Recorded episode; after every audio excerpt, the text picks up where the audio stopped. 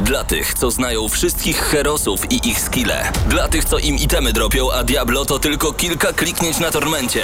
Dla tych, co ściągają heady z AWP w CS-ie. Dla wirtualnych czołgistów. Tych, co potrafią wykręcać kombosy powyżej 70% i juggle takie, że Heihachi, Kung Lao, Sagat i Goku byliby dumni. I dla tych, którzy nie mają pojęcia o czym mówię, ale lubią dobrą zabawę. Dla tych, co klikają i tych, co dzierżą pada, co na klawiaturach, joystickach i innych kontrolerach grają w gry wideo. Ta audycja jest dla Ciebie. Gramy na maksa w każdy wtorek o 21.00 tylko w Radiu Free. I co, Paweł, umiesz e, w- robić kombosy powyżej 70%? Y, Na pewno potrafię je robić dużo lepiej niż y, wymienić z głowy, co jest w ogóle w tym intro, bo się zawsze gubię w No, połowie. a, a, Ale a juggle wydaje mi się takie, że krótkie, Kung powinniśmy je Lao, że, że Kung Lao, Sagat i Goku byliby dumni? Tak, i strzelam za WP w CS-ie. A, Hedy ściąga. A, ci Do- będzie. Dobry wieczór, dobry wieczór. Tu gramy na maksa. Paweł Typiak, Paweł Stachyra, razem z nami także Mateusz Widut dzisiaj realizuje audycję e, pod względem wideo.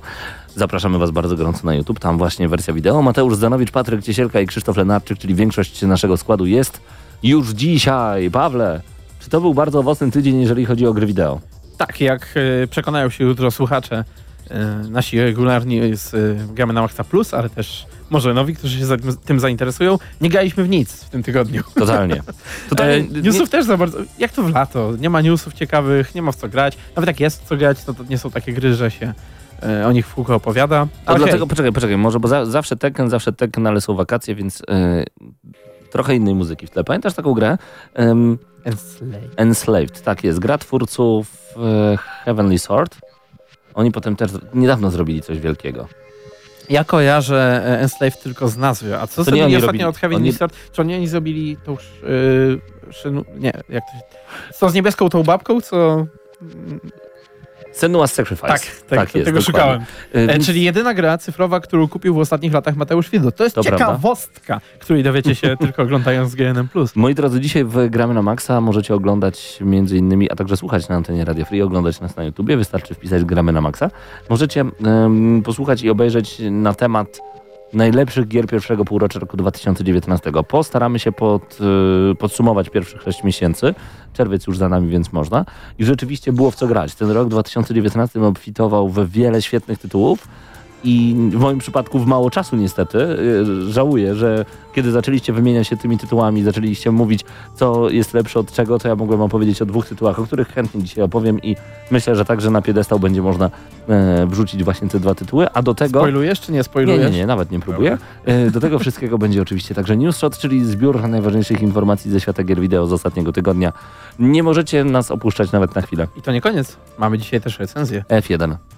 Formuła 1 e, 2019. Grałeś kiedykolwiek w jakąkolwiek Formułę Grałem, grałem. e, Na pierwszym PlayStation w stare A. w F1 97, nie, ale jeszcze się nie śmiej. Grałem też chyba w 2016 albo 17, jakieś F1 albo 18. Był jakiś taki moment, że mm, formuła po wielu, wielu latach po prostu powróciła. I ja wtedy od, od, parę od temu Codemasters chyba wtedy to robiło, nie wiem jak jest teraz.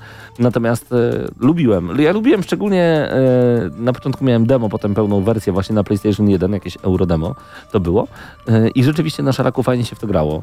Wtedy, a teraz, no wiadomo, y, hipergrafika, fantastyczne emocje, cudowne wrażenia, Robert pro- Kubica, a propos emocji, nasi słuchacze na czacie na YouTubie, gdzie zawsze możecie dołączyć Możecie. GNM Crew, e, domagają się, żebyśmy puścili powtórkę z PC Gaming Show, ale chyba nie wiem, czy zdążymy dzisiaj, natomiast e, z całą pewnością jeszcze o tym pogadamy w, w kontekście e, Gamescomu przyszłego. Natomiast teraz e, przejdziemy chyba do Newsshota po Tak, już za krótkiej przerwie. Dlatego słuchajcie, są wakacje, więc dajmy sobie trochę luzu, damy wam teraz odrobinę muzyki prosto z Enslaved Odyssey to the West. Polecam bardzo gorąco tę grę. Ty w ogóle grałeś w Enslaved?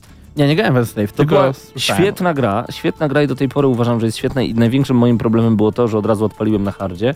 To spowodowały trofea w tej grze. Chciałem po prostu mieć y, trofkę za wysoki poziom trudności. Gra w pewnym momencie zrobiła się tak pieruńsko trudna, że nie byłem w stanie jej przejść. Ostatnio ją y, odpaliłem i no niestety okazało się, że troszeczkę jest jakaś taka archaiczna, żeby nagle w nią wskoczyć i po prostu sobie pograć. Ym, świetna gra, w której to mieliśmy, e, Monkey on się nazywał. On y, musiał zajmować się taką dziewczyną i przebrnąć przez taką dżunglę, tak jak wyobraźcie sobie, że za 30 lat naprawdę nie będzie Ziemi, to mówię teraz o czasach obecnych i wtedy powiedzmy, że za 100 lat już jakieś maszyny pojawią się na y, świecie, będzie mnóstwo, wielka dżungla wszędzie i oni będą próbowali przetrwać. Fajne to jest, naprawdę dobre. A dlaczego to się w ogóle nie przyjęło? Bo to jest chyba bez echa to, przeszło, co? nie, nie, nie, nie, nie, to może nie tyle, że było takim wielkim hitem jak God of War na przykład, ale w momencie, kiedy wychodziło, rzeczywiście każdy o tej grze mówił. Tylko mało kto o niej teraz Po pamięta. cichutku. Ja myślę, że powinniśmy zrobić w ogóle taką serię, em, albo jakieś, tak, jakieś takie nagranie wideo o grach, które kiedy wychodziły, rzeczywiście każdy o nich mówił, a teraz nikt o nich nie pamięta i kiedy zerkasz sobie na przykład na y, półkę, myślisz sobie Orange Box. Wow, to nie jest, to to nie jest tak, że robimy to za każdym razem, kiedy mamy temat perełki z. Tak, to właśnie wygląda, więc jeżeli nie widzieliście jeszcze żadnych naszych perełek, koniecznie wejdźcie na YouTube i sobie sprawdźcie, a teraz sprawdźcie muzykę z Enslaved Odyssey to the West, która no, dziś kilka razy się pojawi.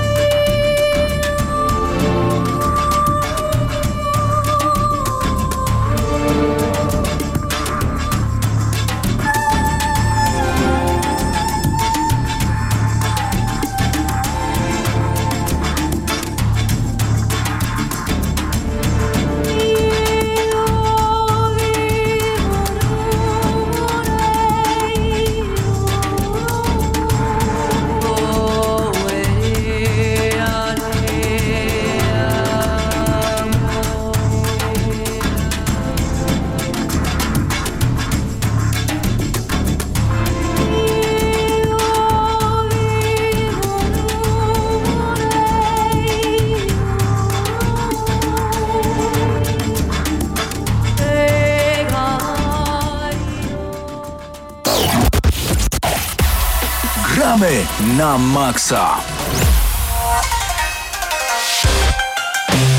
Te dźwięki zastują tylko i wyłącznie jedno. Nie zmienię tej różowej polówki, nawet jakbyście o to bardziej pytali, to poza tym jest kolor brzoskwiniowy. Jeżeli chcecie zobaczyć ten kolor, musicie nas oglądać na YouTubie. Wizun, pozdrawiam cię bardzo gorąco. Jestem bardzo zdecydowany płciowo, jeżeli chodzi o kolor różowy. Dlatego całuski dla ciebie. A my w tym momencie przechodzimy do newsshota, który jak zawsze przygotował Bartłomiej Nowak. Bartek, pozdrawiamy cię. Wiemy, że słuchasz. Nie może Bartek być nigdy razem z nami, ale może to się niedługo zmieni. W końcu chyba się już obronił. Trzymam kciuki, żeby Bartek się już obronił. Ale oni szybko dorastają, starzyści. Przed chwilą jeszcze. Cudownie. Zapowiedziano nową wersję przenośnej konsoli od Nintendo. Switch Lite będzie oferował zabawę jedynie w handheldowej formie, czyli przenośnej. E, Sprzętu nie podłączymy do telewizora. Joy-Cony będą zamontowane na stałe, czyli te takie pady, które w Switchu normalnie robią takie klik, klik. No i do tego nowość e, obsłuży tytuły posiadające możliwości gry w trybie handheld. Większość tytułów swoją drogą, która, którą posiada właśnie cała ta biblioteka, prawie cała biblioteka. Do pozostałych tytułów będziemy musieli użyć dodatkowych bezprzewodowych joyconów, czyli można je po prostu sparować i podłączyć. Konsola umożliwi rozgrywkę wieloosobową z posiadaczami oryginalnego Switcha. Wersja Lite ukaże się 20 września. Jej cena będzie wynosiła 199 dolarów, czyli 200 euro, czyli Tak sobie, chociaż to jest na pewno ta opcja 900 dla tych... złotych. Nie jest, nie jest super Zaraz, ale drogo, moment, ale... jak ja patrzyłem sobie na te różne porównywarki, to tam było, że to ma być połowa ceny Switcha. Że Switch kosztuje 299, a to ma kosztować 150. Nie, 199 było. Od początku. E, może oszukał cię Sorry. internet, natomiast y, jak ty czytałeś tego newsa, to ja ci powiem szczerze, że miałem takie dziwne flashbacki z Wietnamu, przy czym one nie były z Wietnamu, tylko sprzed dwóch godzin. Jak nagrywaliśmy plusa i zastanawialiśmy się, jakie tematy podjąć i zapomnieliśmy o najważniejszym temacie tygodnia. Że Bo na Nintendo. plusie nie usłyszycie o Nintendo Nie usłyszycie, ale dlatego dzisiaj teraz musimy Troszkę tutaj... dłużej, tak. W ogóle uważam, że to jest świetny pomysł, tylko że żeby cena była dobra, bo wiesz jak to wygląda. Kiedy idziesz kupować y, napój typu cola i on ma 2 litry, to kosztuje 5 zł. Kiedy on ma litr, kosztuje 3,99. Kiedy ma butelkę 0,33, kosztuje 3,29. I boję się, że to będzie w ten sam sposób, że kupujesz pełnego Switcha, płacisz 1300, kupujesz wersję przenośną, płacisz 1100 na przykład, albo No nie, 1200. nie, nie, nie będzie aż tak dużo, No aczkolwiek ale 900 zł będzie lekką jest- ręką. tak, 900, 950. to dalej jest oszczędność jakaś tam mimo wszystko. A to chyba nie jest pamiętaj, że oszczędności, mi się wydaje. Masz, masz dalej tą samą jakby, mm, jakby to powiedzieć, bibliotekę, Mhm. a jednocześnie e, jakby korzystasz z tego jak z handhelda, czyli w zasadzie tak, jak sporo osób e, i tak Ten- używało, jakby za to ceniło te konsole, bo pamiętam, kiedy wychodziły tam e, różnego rodzaju porty, na przykład Doom, teraz będzie Wiedźmin, to ludzie tak, znaczy była ta część niedowiarków, którzy mówili, no właściwie po co jeszcze raz mam grać w tą samą grę, tylko w niższej rozdzielczości, w gorszej jakości i tak dalej. Sam byłem jednym z nich, ale odpowiedzią zawsze tutaj była, był argument, że to jest pierwszy raz, że możesz sobie w te gry zagrać gdzieś tam w drodze i tak dalej. Że możesz mieć zawsze przy sobie. Jak nie masz czasu siąść normalnie sobie w domu pograć, to gdzieś tam w tej podróży przejdziesz sobie tę grę. I rzeczywiście to jest argument. To jest największy argument. Tak, ja na przykład gdybym miał kupić Switcha, to właśnie po to. Ja też. I to jest y, teraz y, ten Lite, to jest pierwszy raz, jak się naprawdę zastanawiam nad tym, aczkolwiek też poczekam. Tylko kwestia ceny, yy, bo właśnie, żeby nie było jak z Coca-Colą. Ja yy, pożyczałem od Mateusza Zdanowicza Switcha i rzeczywiście 99% czasu grałem tylko i wyłącznie w wersji handheldowej. Tak mi było wygodniej. Natomiast są takie gry jak Mario Tennis Aces. Genialna gra! Genialna gra. Ty- Ty, tyle tylko, że na telewizorze gra się w to po prostu lepiej, bo możesz zagrać tak jak w Wii Tennis, gdzie sobie machasz po prostu joyconami. Więc podsumujmy minusy. Nie da się... Nie, nie, to jest akurat dla mnie dziwne. Nie da się nawet postawić tego Switcha. Nie ma No tak, tego, nie, nie zaimplementowali nóżki wyciąganej z tego tego się tam Switcha. nazywa, desktop no, mode, czy jakoś tak, to ten pomiędzy. to Nóżka, jeszcze- po prostu nóżka, którą się wyciąga, żeby Switch stał. To jest To akurat kupisz minus. za 59 dolarów, nic się nie bój. Okej, ale to, to mogłoby być, bo nawet żeby sobie jakiegoś Netflixa postawić gdzieś w pociągu Jasne. wygodniej. To po pierwsze. Brak odczepianych joyconów. Rozumiem z jednej strony, ale z drugiej strony, przecież słuchaj, gdyby, gdyby ktoś nie pomyślał w Nintendo, gdyby zrobili odczepiane joycony jednak, to one by się mogły psuć i można byłoby kupować następne. aha, pomyśleli. Czyli Widzisz, e, Joy-Cony, Joy-Cony ogólnie się bardzo psują, jak na, jak na kontrolery. I jeżeli, ma, znaczy mam nadzieję, że jakby ta konstrukcja sprawi jednak, że one nie są tam ruchome i tak dalej, więc nie będą się tak e, niszczyć, ale jeżeli dalej będą tak awaryjne, to teraz stary musisz dokupić sobie oddzielny Joy-Conik albo gdzieś tam powiedzmy wymienić konsolkę. Y, No i brak, brak tej podstawki. Ja rozumiem, że fajna byłaby taka wersja, bo na początku tak myślałem, że to będzie wersja, bo to jest też mniejsza konsola, że to będzie wersja tylko handheldowa, ale że będę mógł sobie powiedzmy dopłacić w pewnym momencie, nie wiem, 50 dolarów i kupić jednak e, Stację tą- stację dokującą i stwierdzić, dobra, chcę rozszerzyć mojego Switcha o te możliwości. No nie, więc wydaje mi się, że, że to jest naturalny krok po 3DS-ie. Ostatnio odpaliłem sobie ponownie The Legend of Zelda Link Between Worlds. E, Zachwycająca jest grafika 3D, jeżeli chodzi o efekt 3D właśnie w New Nintendo 3DS. Gra jest świetna i wtedy pomyślałem sobie, kurczę, przydałby mi się już w tym momencie na nowo ym, Switch, żeby móc zagrać w te gry właśnie w sposób dużo, dużo lepszy, zagrać naprawdę niesamowitej jakości, więc uważam, że to jest naprawdę news chyba tego tygodnia, jeżeli o to chodzi. To E, jest tutaj nowa konsola. Piotr- Piotrek Fajnie. 89 na naszym czacie pyta, znaczy pyta, zastanawia się, czy ta konsola, która wygląda trochę do, podobnie do Vity, nie skończy jak Vita, ale podejrzewam, że akurat tutaj nie ma takiej możliwości, bo, No bo będzie wspierana przez ta Nintendo. sama, tak, to jest ta sama biblioteka, co na e, dużym Switchu, że tak się wyrażę, więc e, nie, ma, nie ma się co bać, że to skończy jak, jak Vita, która jednak tam gdzieś, e, pomimo tego, że gry dalej na nią wychodzą i wychodziły, no to jednak brakowało takiego wsparcia mm, tego dużego, tak jak duża konsola. To nie, był, to, nie był mały, to nie było małe PlayStation 4. Ja bym sobie kupił Switcha za 700 zł tego w wersji przenośnej. Tyle tylko, że pamiętajmy, że już 3DS wtedy nie będzie totalnie sprzedawany. Zresztą oni i tak już chyba nie- mają zamiaru nic robić z 3DS-em. E, więc za 700, 800 bym sobie kupił. Jeżeli będzie kosztować dużo więcej, raczej będę w tym temacie odpadał. Przynajmniej tak mi się wydaje. No ale ciekawi nas, nas, wasze zdanie, więc piszcie u nas na czacie. A Randy Pitchford, szef studia Gearbox, poinformował na, na łamach Twittera, że Borderlands 3 nie otrzyma początkowo zapowiadanej wcześniej funkcji crossplay. Proszę.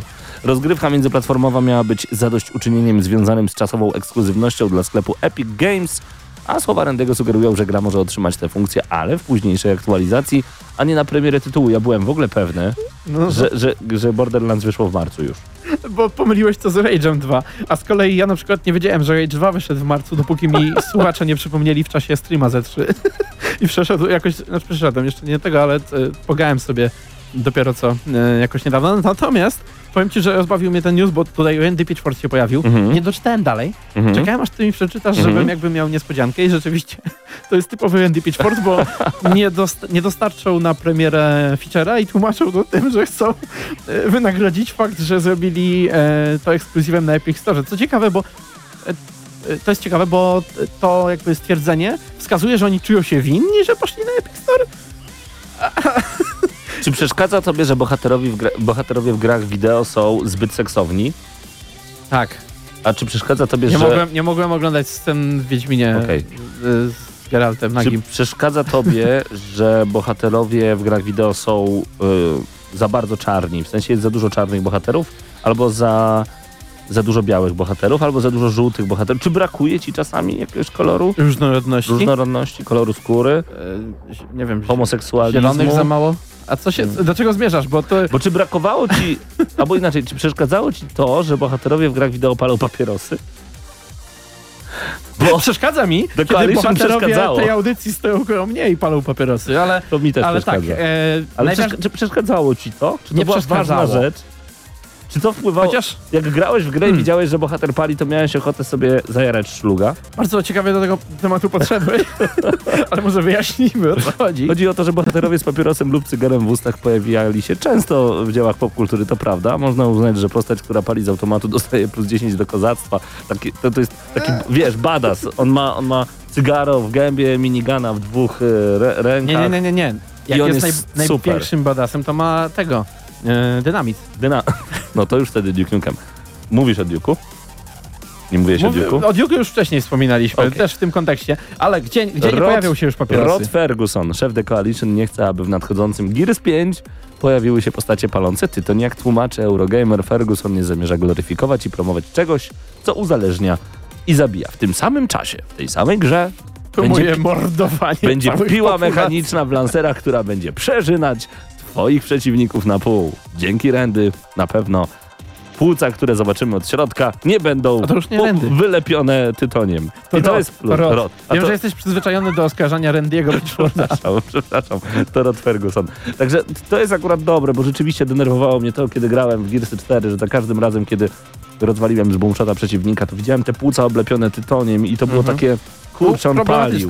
Bo troszeczkę I- tak, czułeś na przykład taką sympatię troszeczkę do nich, a nie Tak. powinieneś, bo to ma być głupi, bezmyślny shooter. No właśnie. E, nie możesz czuć sympatii, że o kurczę, oni, oni Ale porwali. przynajmniej nie miałem problemów takich, że znaczy, je, skoro palił, to No. i tak by umarł, więc mogłem do niego luźno strzelać w tej grze. Troszeczkę tak. ha. Czyli teraz, e, to odwrotnie, czyli teraz Gears będzie zadawało ważne pytania. Tak. Na przykład, czy możesz strzelać do przeciwników, którzy nie umrą? To znaczy też umrą, ale trochę później. Skomplikowane pytania, ale jak widać, jeżeli chcesz robić marketing, rób go jakkolwiek, byleby tylko mówili o twojej grze. Takiego zdania przynajmniej prawdopodobnie jest Rod Ferguson. Wydawnictwo Dark Horse pracuje nad albumem The World of Cyberpunk 2077, które ma wprowadzić czytelników w świat nadchodzącej gry od CD Projekt Red.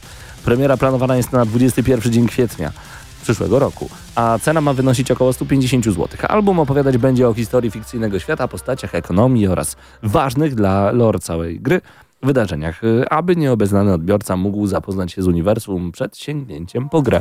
Lubię tego typu rzeczy, mam kilka takich albumów z Halo, choć wielkim fanem nie jestem, ale Halo po prostu lubię.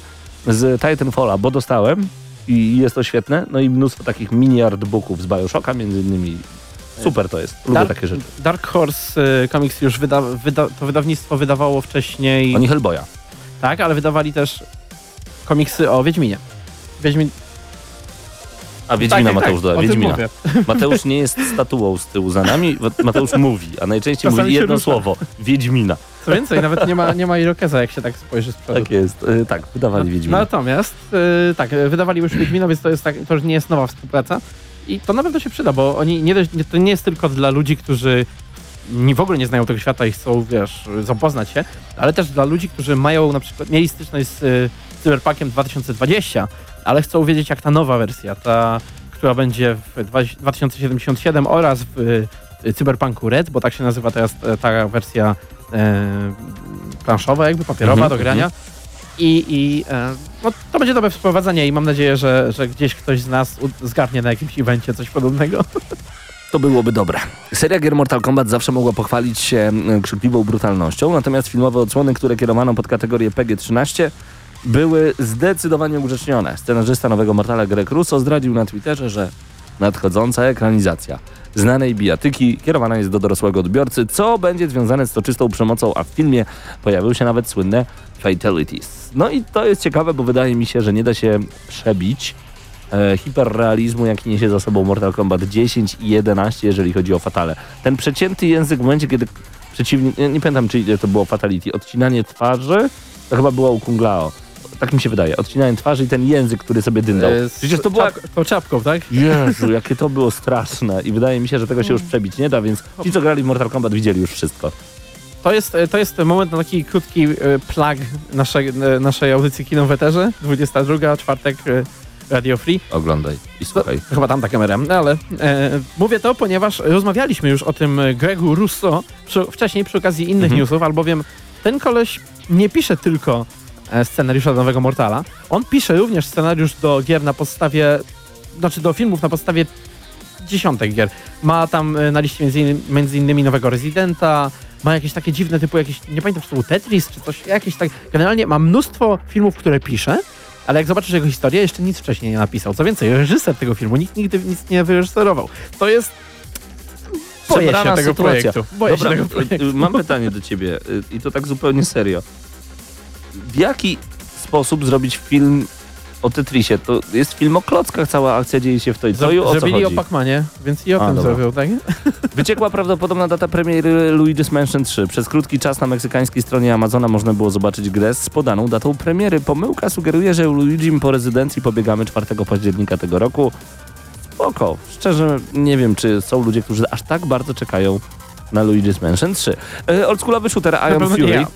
Ion Fury od studia Void Point otrzymał e, nową nazwę oraz datę premiery. Produkcja początkowo nazywała się Iron Maiden. Ion, nie Iron. Iron Maiden, ale z powodu roszczeń do, od heavy metalowego zespołu Iron, przecież Iron Maiden, Iron, nie Iron, Iron Maiden, musieli zmienić tytuł. Gra została przechrzczona na Ion Fury, a jej debiut datowany jest na 15 dzień sierpnia i to był News Shot, bo nie będziemy chyba nic mówić więcej na temat Nie, nie ma sensu, to już o tym gadaliśmy wcześniej. Bartłomiej Nowak przygotował. Dziękujemy Ci Bartku bardzo serdecznie i mamy nadzieję, że szybko do nas wrócisz, żeby móc w Newsshocie uczestniczyć.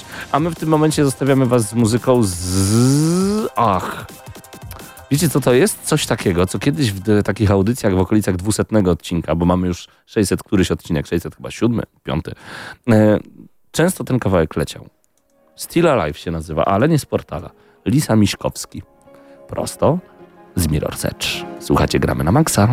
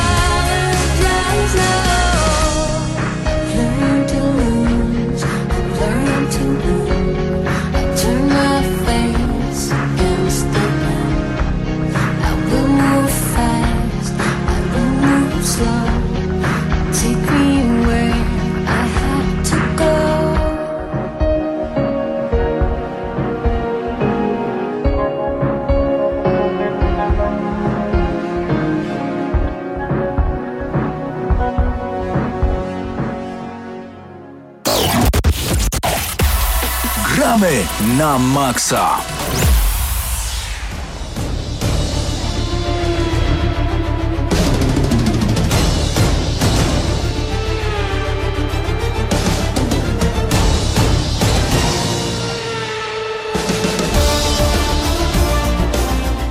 No i w Gram na Maxa czas na recenzję F1 2019. Przed mikrofonem Mateusz Widut, razem ze mną w studiu. Krzysztof Lunarczyk. E, I dzisiaj zabieramy się za bardzo szybkie wyścigi. Nie wiem, czy nam recenzja szybko pójdzie, ale na pewno też się postaramy e, to zrobić. E, zacznijmy od takich informacji podstawowych. Producentem Codemaster Software, wydawcą w Polsce CDP.pl. W grze mamy polskie napisy, angielskie dialogi. Gra pojawiła się 28 czerwca u nas na e, PC, PlayStation 4 i Xbox One. No to też jest i kolejna po prostu odsłona F1, która ukazuje się równo mniej więcej co roku. E, ty, Krzyśku, w miarę starasz się praktycznie w każdą odsłonę zagrać. Ja akurat to e, rok temu, 2018, chyba nie miałem okazji ogrywać, albo przynajmniej nie tak dużo. Coś grałeś, ale nie tak dużo. Chyba. tak, ale pamiętam. os 2017 to była osłona, w którą naprawdę bardzo, bardzo dużo e, grałem i dla mnie 19 jest jednak takim dużym przeskokiem do przodu, ale to porównując, prawda, do e, części, która już ma praktycznie e, dwa lata. E, Może zacznijmy od tego, co jest największą zmianą w F1 2019, to to, że jest F2. Prawda? Znaczy przede wszystkim F2 pojawia się w... Bo tak, trochę zmieniła się kariera, to znaczy zyskała pewien stopień takiej fabularyzacji, nawet bym powiedział, do tego stopnia, że przygodę w karierze zaczynamy w Formule F2, gdzie po e, kilku jakby wyścigach e, możemy spróbować się w, w Formule pierwszej, gdzie oczywiście wybieramy swój zespół, zależnie od tego, jakie mamy oczekiwania wobec e, naszej gry i tak dalej. No i podobnie jak w zeszłym roku jest bardzo duża możliwość konfiguracji e, różnych kwestii, jeżeli chodzi o poziom trudności e, w tej karierze, tak aby ją w, no oczywiście do siebie jak najbardziej dopasować. No jeszcze a propos kariery, taka istotna rzecz, że zawsze gdy wybieramy jakiś zespół czy team, to e, my jako gracz lądujemy w miejsce takiego e, drugiego kierowcy, więc e, na przykład jeżeli chcemy startować w Williamsie, to niestety wygryzamy z fotela Roberta Kubica. Ale w ogóle ciekawe jest to, że no jakby Codemasters, no bo yy, oczywiście F1 się zaczął trochę wcześniej, ale oni założyli, że jednak Williams będzie całkiem spoko zespołem, bo u mnie na przykład startowali równo, równo z 8, 9, 10 miejsca, a jak jest w rzeczywistości wszyscy wiemy, że to są jednak dwa ostatnie e, bolidy na całej liście. Też może wiesz, nie do końca chcieli jakby robić jakieś bardzo słabe zespoły, żeby, żeby też można było No ale ktoś pograć. musi być, nie? Nie no, Ostatni, z drugiej prawda? strony tak. Natomiast e, Ale według tych statystyk, które tam są, bo też jak na początku wybieramy, to jest pokazane, kto jest jakby najmocniejszy tak, i tak dalej, to Williams jakby w wirtualnej tej rzeczywistości nie jest takim najgorszym zespołem. E, I teraz chciałbym wrócić do tego F2, bo e, to bardzo dobrze, że idą w tą stronę jakiegoś takiego urozmaicenia tej rozgrywki, nadaniu karierze też jakichś takich dodatkowego rozpędu, prawda? Tutaj e, próbujemy się e, w tej niższej jakby nazwijmy to lidze, później przechodzimy do F1.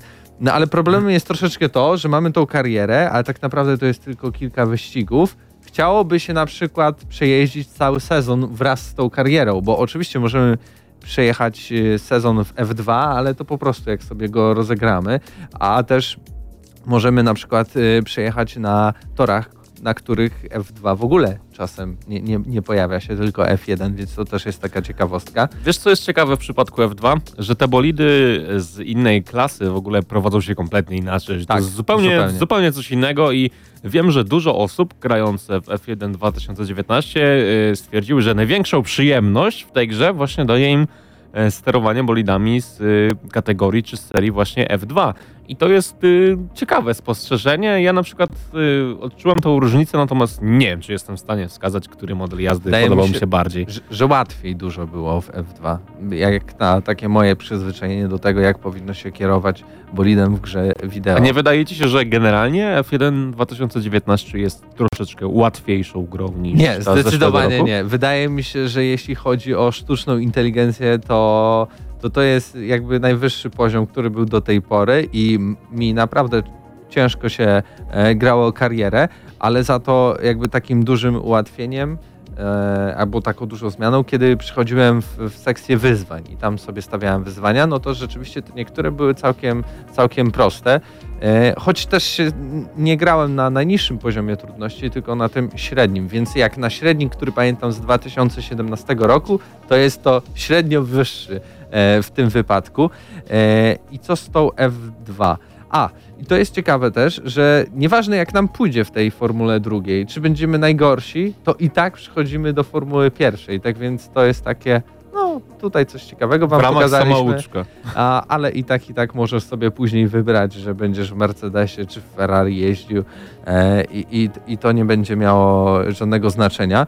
E, może przejdźmy w takim razie teraz e, trochę do grafiki. Nie, a może po prostu już dokończmy, jak już jesteśmy przy tej karierze, to może dokończmy jej temat i standardowo y, pojawia się to, co y, wspominałeś w poprzednich y, F1. No to więcej nowości nie ma tak No, naprawdę. pojawia się znowu drzewko badań i rozwoju, no i oprócz wyścigów możemy wziąć udział w różnych takich klasycznych wyzwaniach, gdzie y, w starszych bolidach, y, na przykład w czasówkach możemy wziąć udział i tak dalej, co trochę urozmaica tę karierę, więc no summa summarum jest to to samo, tylko troszeczkę w innej formule, z taką większą dozą powiedzmy pewnego skryptażu, że tak powiem. No jesteśmy troszeczkę bardziej prowadzeni po po jakby takim torze fabularnym, y, począwszy od tego właśnie, że zaczynamy od Wiem, F2. wiem co jest nowością. Taką trochę, bo chyba to było w jakimś 2015 albo 2014.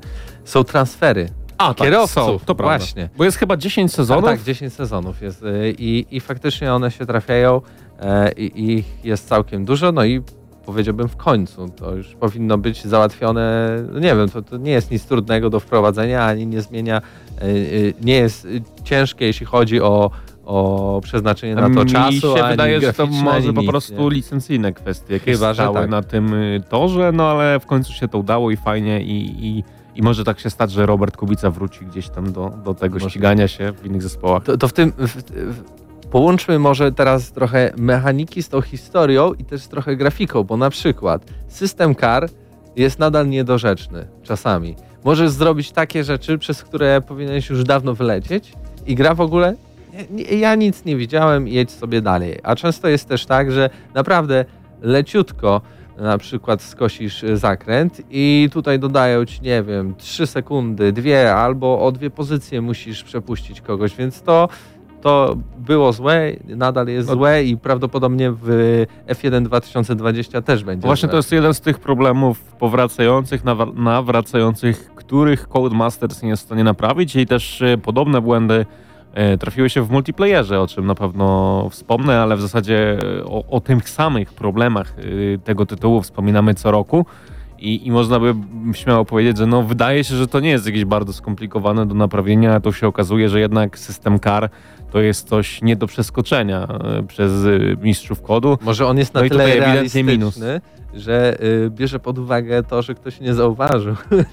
nie wiem, nie wiem, tak sobie teraz. O grafice słów kilka, chciałeś Tak. powiedzieć. Y, łączące się też y, z mechaniką, bo nie wiem, czy w 2018 był ten słupek Halo? Nie. Nie, nie był. I tutaj się pojawia. E, I jeśli chodzi o mechanikę i grafikę, to szczególnie jeśli gramy z pozycji kamery kierowcy, z oczu kierowcy, jest to mega irytujące, mając słupek, który jest no, na kilkadziesiąt pikseli i faktycznie przeszkadza w jeździe. Można to wyłączyć w opcjach, więc to nie jest aż tak irytujące. No ale no, to też łączy się z tym, że ta gra to jest jednak próba symulacji tego wszystkiego, więc tego nie mogło zabraknąć. No jest pełne oddanie, jeżeli chodzi o modele e, trójwymiarowe bolidów, łącznie właśnie z, z systemem Halo, z nowymi różnymi elementami bolidów, więc no tego też nie mogło zabraknąć. No fakt, wizualnie to przeszkadza. Ciekawi mnie, czy realnie kierowcom to przeszkadza podczas jazdy, jak, jak nam podczas grania. No ale to myślę nie jest najważniejsze. Wiadomo było, że oddanie będzie no, jak najlepsze, że, że to odzorowanie modeli jest jak najbardziej szczegółowe. Zresztą zawsze było w przypadku tej serii, czy, czy gier Codemasters, szczególnie tych wyścigowych.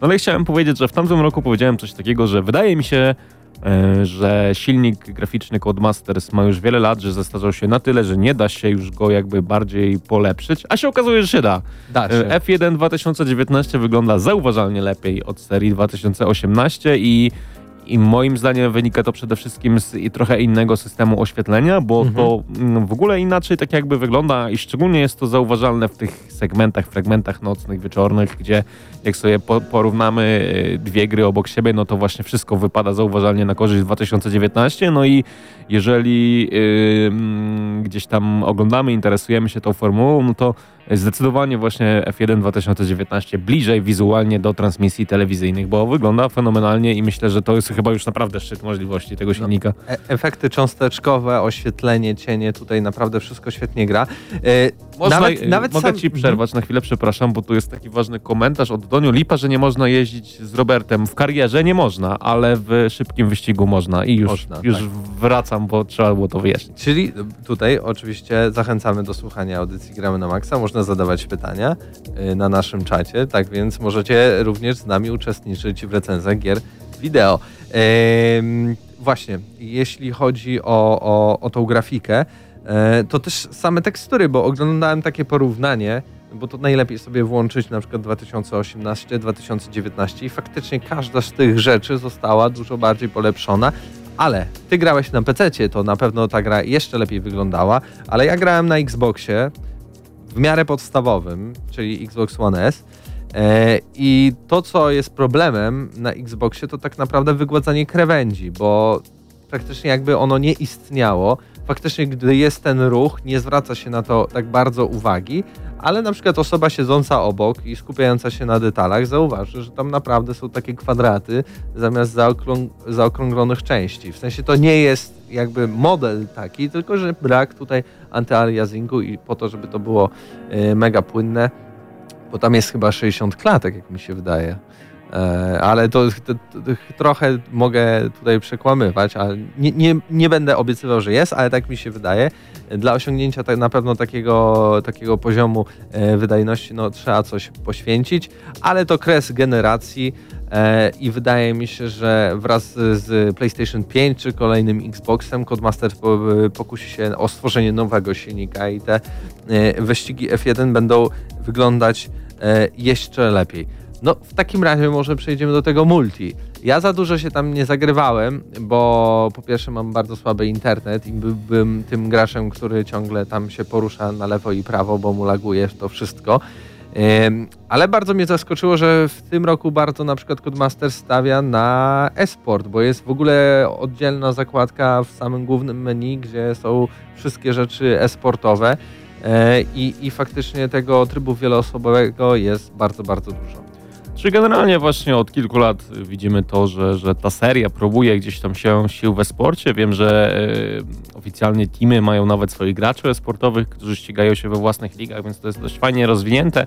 No ale klasycznie, klasyczne, klasyczne kłopoty Najmana, że tak powiem, w przypadku F1 2019 na premierę, no bo zarówno problemy z kolizjami, z lagami, zresztą jak wspomniałeś, bo serwery standardowo na premierę nie wyrobiły i no w zasadzie grać się nie dało, problemy z kolizjami, problemy z duchem, to, że jeden przeciwnik jest duchem, a, a drugi nie, no w sensie, że wyłączamy system kolizji w wyścigu online, a mimo tego jakby te, do tych kolizji dochodzi, no coś jak zwykle nie działa w trybie multiplayer na premierę. Ja wiem, że to pewnie jest, zostanie naprawione, no ale w zasadzie no mamy jeszcze nie miesiąc, no ale tak y, trochę po premierze i dalej, dalej są problemy właśnie w tym multi, co jest dość ciekawe, bo też standardowo zostałem zaproszony do takiej ligi F1 online, gdzie, gdzie jakby chcieliśmy się wypróbować, ale no nie dało się za bardzo grać po samej premierze gry, więc więc ciężko coś więcej powiedzieć. No teraz trochę już jest lepiej, to wszystko się unormowało, może jest mniejszy natłok graczy na serwerach, więc można w, w miarę normalnie to wszystko rozgrywać, natomiast no, na, na sam początek jak zwykle no było to samo co rok temu, co dwa lata temu i, i to są kolejne jakby problemy tak z serii nie do przeskoczenia. Tak. Bo wydaje mi się, że, że jakby to było takie proste, to już by było załatane, tak? A, a jednak skoro przez wiele lat pojawiają się te same błędy e, na premierę, no to, no to nie do końca da się to w jakiś łatwy sposób naprawić. No ale jak wspomniałeś, pojawiło się troszeczkę więcej możliwości w trybie multiplayer. Wyzwania tygodniowe mamy, mamy też te cotygodniowe wyścigi. E, No i możemy sobie oczywiście kupować skórki na bolid i skórki na kask, ale to tyle z tej kustomizacji całkowitej. Na, na pewno, na pewno y, z każdą kolejną częścią jakby jest coraz więcej tych możliwości i fajnie, że tak jest, bo wydaje mi się, że właśnie w wyścigach najistotniejsze jest to, aby ścigać się z innymi graczami, że to daje jakby najwięcej frajdy. E, Podsumowanie. Tak mi się wydaje. I ode mnie, mm, kurde, naprawdę nie wiem, co wystawić F1 2019. Na pewno to jest najlepsze F1, które do tej pory wyszło, ale tak jest zupełnie co roku, no bo to jest ciągle polepszana gra w konkretnych aspektach. Są dwa, które zawsze są nienaprawione, czyli e, stabilność multi i system car, ale no chyba trzeba się do tego przyzwyczaić, ale na pewno to jest znowu najładniejsze F1. Jest to F1, które ma najlepszą sztuczną inteligencję. Y, To jest F1, które ma y, jakby jeszcze lepszy model sterowania, choć tym razem trochę podsterowny niż nadsterowny. E, I, I to jest F1, które znowu robi kolejny krok, jeśli chodzi o tryb kariery, no bo po, pojawia się to F2. Szkoda, że tak mało, ale podejrzewam, że za rok to był taki przedsmak, a później dostaniemy e, pierwsze danie, dłuższe e, F2 i, i dopiero później F1. E, tak więc wydaje mi się, że 8,5 będzie tutaj taką sprawiedliwą oceną. Wydaje mi się, że też jakby ciężko oceniać tę grę pod względem tego, że ona jest jakby wtórna co roku, no bo co można nowego wymyślić? W, No nie, trzeba tylko dodać te rzeczy, Dokładnie. które prawdziwe F1 dodaje jakby na- w rzeczywistości. Naprawiać pewne błędy, pewne rzeczy udoskonalać, dodawać nową zawartość do gry, no i to właśnie robi Codemasters co roku, yy, troszeczkę odgrzewając yy, nam danie na nowo, ale trochę z nowymi przyprawami, trochę jakby w innej konwencji, trochę powiedzmy zamiast ziemniaków mamy pire, ale zawsze jest to jednak lepsze danie i z roku na rok ta gra jest coraz fajniejsza, coraz yy, bardziej wciągająca, z większą ilością możliwości do grania, z większą ilością trybów. No co prawda, jak wspomniałeś, z problemami, z kłopotami, których, yy, no nie, które, które nie tak łatwo jakby rozwiązać, no ale wydaje mi się, że również jest to na ten moment, na, na ten moment na pewno najlepsza yy, gra z serii F1 i ode mnie to będzie dziewiąteczka, mimo tego, że no nie spędziłem nie wiem, 30 godzin powiedzmy w tej grze, bo no niestety choroba mi na to nie pozwoliła, ale zagrałem na tyle, na ile mogłem i, i muszę przyznać, że bardzo, bardzo mi się podobało. Musimy jakoś uściślić, w którą stronę idziemy. Ty grałeś troszeczkę więcej, więc jakby posłucham się ciebie w tej Dobra, kwestii. czyli 8,5 odgramy na Tak maksa. E, dziękujemy bardzo CDPP za dostarczenie kopii do recenzji. Mamy nadzieję, że może jakaś jeszcze jedna firma się znajdzie, co będzie robiła gry z F1, bo ja nie przypominam sobie, że jest jakaś jeszcze. Nie ma gier. To by tak wiesz, konkurencja zawsze napędza rzeczy, które, które są fajne dla graczy, coraz większą jakość i coraz więcej fajnych rzeczy, więc fajnie by było. Ale licencja jest podejrzewam jedna, czyli to jest taki FIFA versus PES, o czym też będzie pewnie w dzisiejszej audycji jeszcze troszeczkę, tak więc e, tak jak mówię, F1 2019 8,5 odgramy na maksa e, i zostawiam was e, z kawałkiem jeszcze muzyki prosto z menu, z gry.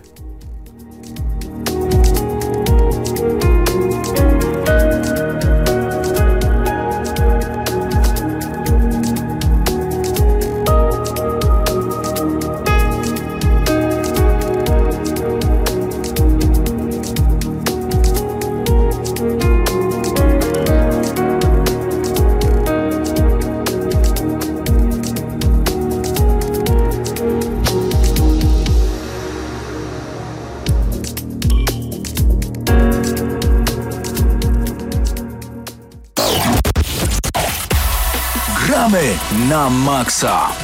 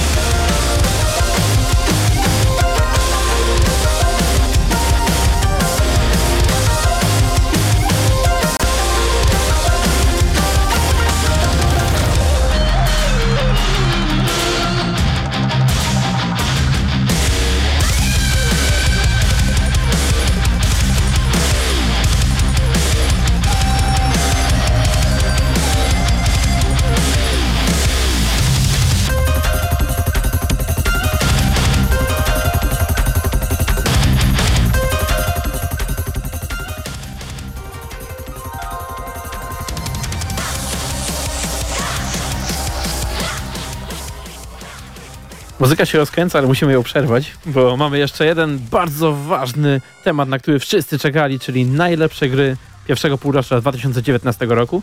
I ten temat rozpocznie jakby nasz cykl, który będzie trwał przez najbliższe tygodnie, gdzie będziemy zastanawiać się nad tym, jak poszedł ten 2019 jak dotychczas nam, jakie gry były fajne, jakie gry były niefajne, co się dowiecie za tydzień oraz y, na co czekamy w następnej połowie.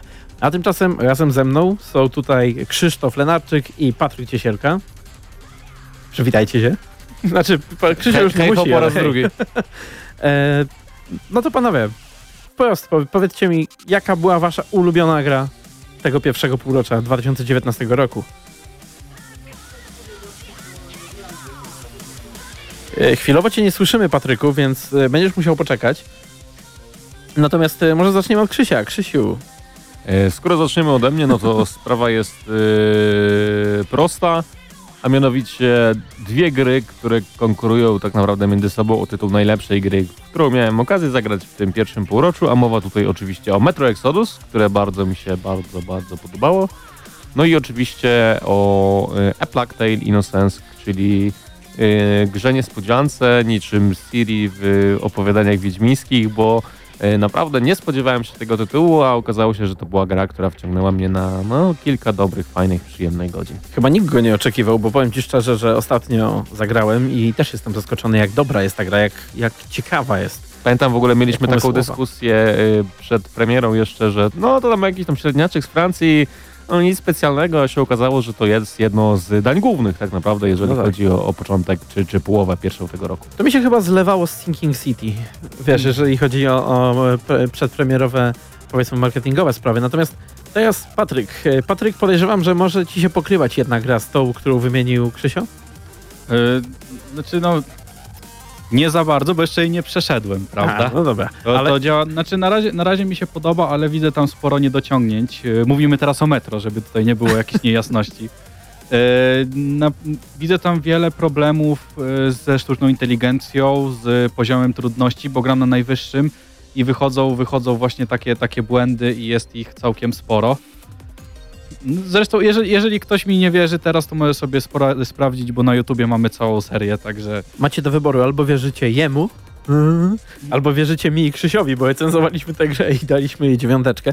No ale nie, tutaj to, jest, to jest gra, która trochę dzieli, jeżeli chodzi o, o oceny tutaj w redakcji. Nie no, ja się zgodzę, dziwnie się zachowują ci przeciwnicy to sami. i nawet mówiłem chyba nawet w recenzji, że, że potrafią nam na tyłek wejść i, i nic nie zrobić i tak dalej, czy, czy skaczą pomiędzy krawędziami czasami w jakiś Mm. naturalny sposób, ale przynajmniej widać, że była jakaś próba zbudowania sztucznej inteligencji o przeciwników, Dają bo oni się sobie radę. zachowują fajnie, gadają na przykład między sobą i tak dalej. E, System komunikacji między nimi jest fajny, ale to jest chyba taka mm, rzecz, która gdzieś tam, e, której ciężko uniknąć e, przy takich systemach, ale Patryku, to nie jest gra, która jest twoją ulubioną tej pierwszej połowy, prawda? I, i dlatego, dlatego nie chcę o niej za dużo mówić. Dobrze. już Krzysiek powiedział, prawda? Super, wszystko świetnie.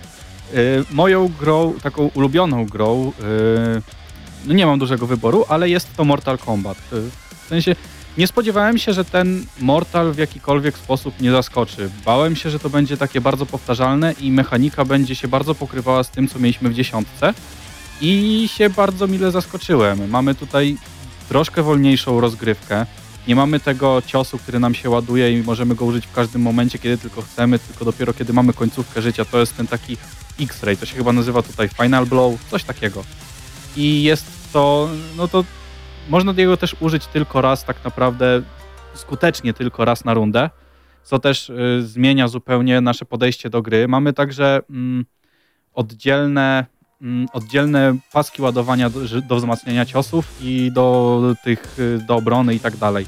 Także no jest tam dużo, dużo różnic. Nie mamy też tych szybkich doskoków, co spowalnia w jakiś tam sposób grę. No i wygląda fajnie.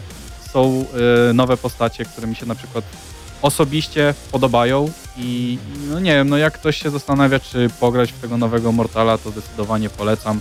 Wiem, że był jeszcze swego czasu problem z wieżami, ale szybko twórcy zareagowali i rozwiązali to. W ogóle bardzo zawalona grami była ta pierwsza połowa, w sensie gdzieś tam na przełomie końcówki zimy i początku wiosny mam wrażenie, że wychodziło tyle tytułów kółko, tyle wysokich ocen tutaj wystawialiśmy, że naprawdę ciężko było mi się zastanowić nad tym, co dla mnie było najlepsze, bo taka, tak na dobrą sprawę e, tygodnia na tydzień dosłownie recenzowaliśmy i Residenta dwójkę, który jest niesamowity, o którym ktoś jeszcze pewnie powie, i tam gdzieś się przewijały, przewijało Sekiro, Sunless Skies, to taki e, mniejszy indyczy tytuł, którego recenzja była e, poza e, anteną, ale można znaleźć na, na naszym kanale na YouTubie. Mm, Mimo to jednak gdzieś tam najbardziej w pamięci zapadły mi e, poza Metro, które jest dla mnie najlepszym FPS-em od, od lat, od wielu, wielu, wielu lat, aczkolwiek ten gatunek też jakoś tam sobie świetnie nie radzi. To e, zapadły mi w głowie też dwie inne gry. E, Total War 3 Królestwa, najlepszy też Total War od e, jakiegoś czasu, chociaż ostatnio rzeczywiście te gry im jednak tam wychodzą, ale, ale rzeczywiście formuła tutaj była super przyjemna i możecie posłuchać na pewno w naszej recenzji mojej Mateusza, ale jest jeszcze jeden tytuł. Devil May Cry 5. Na ten moment wydaje mi się, że to może być moja gra roku. Zastanawiałem się właśnie pomiędzy tym a Metro. E, Metro już mi troszeczkę jakby nie jest już takie świeże w mojej pamięci, więc podejrzewam, że będę musiał sobie odświeżyć, ażeby się e, przekonać, ale Devil May Cry to było wszystko to, czego chciałem od tej serii, od jej powrotu. To taka idealna odtrutka na DMC, chociaż czerpie z tych fajnych elementów tamtej gry, więc to nie jest tak, że to całkowicie, e, to, że to jest jakiś tytuł, który całkiem się odcina od wszystkiego, ale, ale grało się w niego tak przyjemnie. Rozwalało się wszystko tak super, tak niesamowite były, były e, kombosy i, i kombinacje. Mieliśmy trzy postaci, co dało nam tyle, taką różnorodność w rozrywce.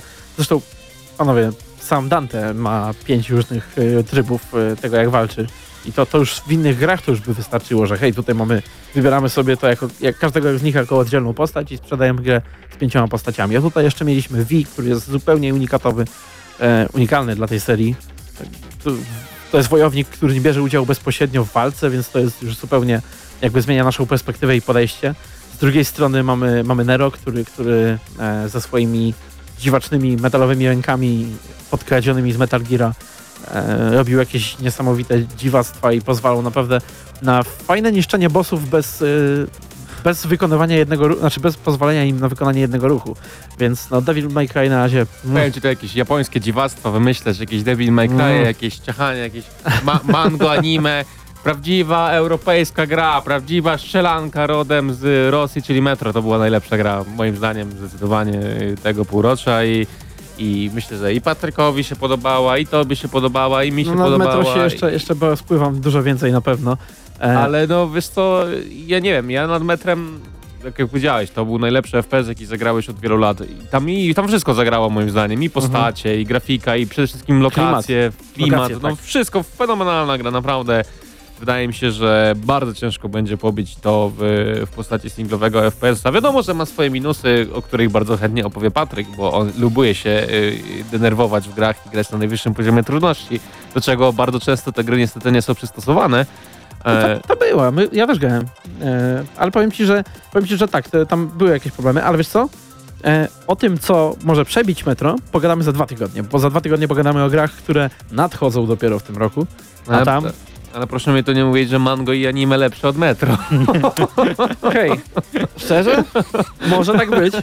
E, a Metro oczywiście, jeżeli, jeżeli, to cię, jeżeli to cię oburza, to nie spodobają ci się pewnie propozycje, które słyszałem od Mateusza Zdanowicza i Mateusza Widota, których teraz tutaj zapraszam. Wiesz co, po prostu chciałem powiedzieć ostatnie, ostatnie A, słowo, no, że no, oczywiście no, no. żartuję i mam nie, nie, nie miałem zamiaru nikogo urazić i mam nadzieję, że, że wszyscy wyczuli, że Wszystkich to, naszych japońskich słuchaczy.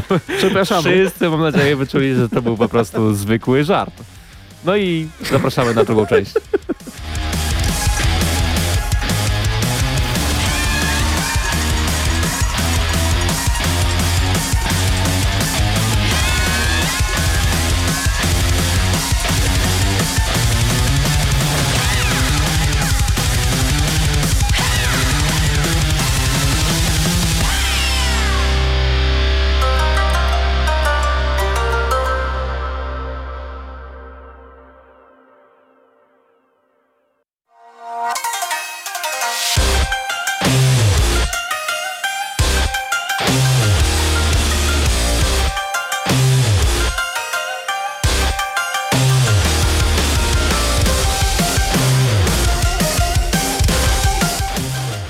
No i wracamy, panowie. Jesteście? Tutaj żyjecie? Proszę, proszę dajcie głos. Hello! Dobry Hello! wieczór. O, dobry Mateusz wieczór. Stanowicz Był Jestem. dzisiaj tutaj w ogóle?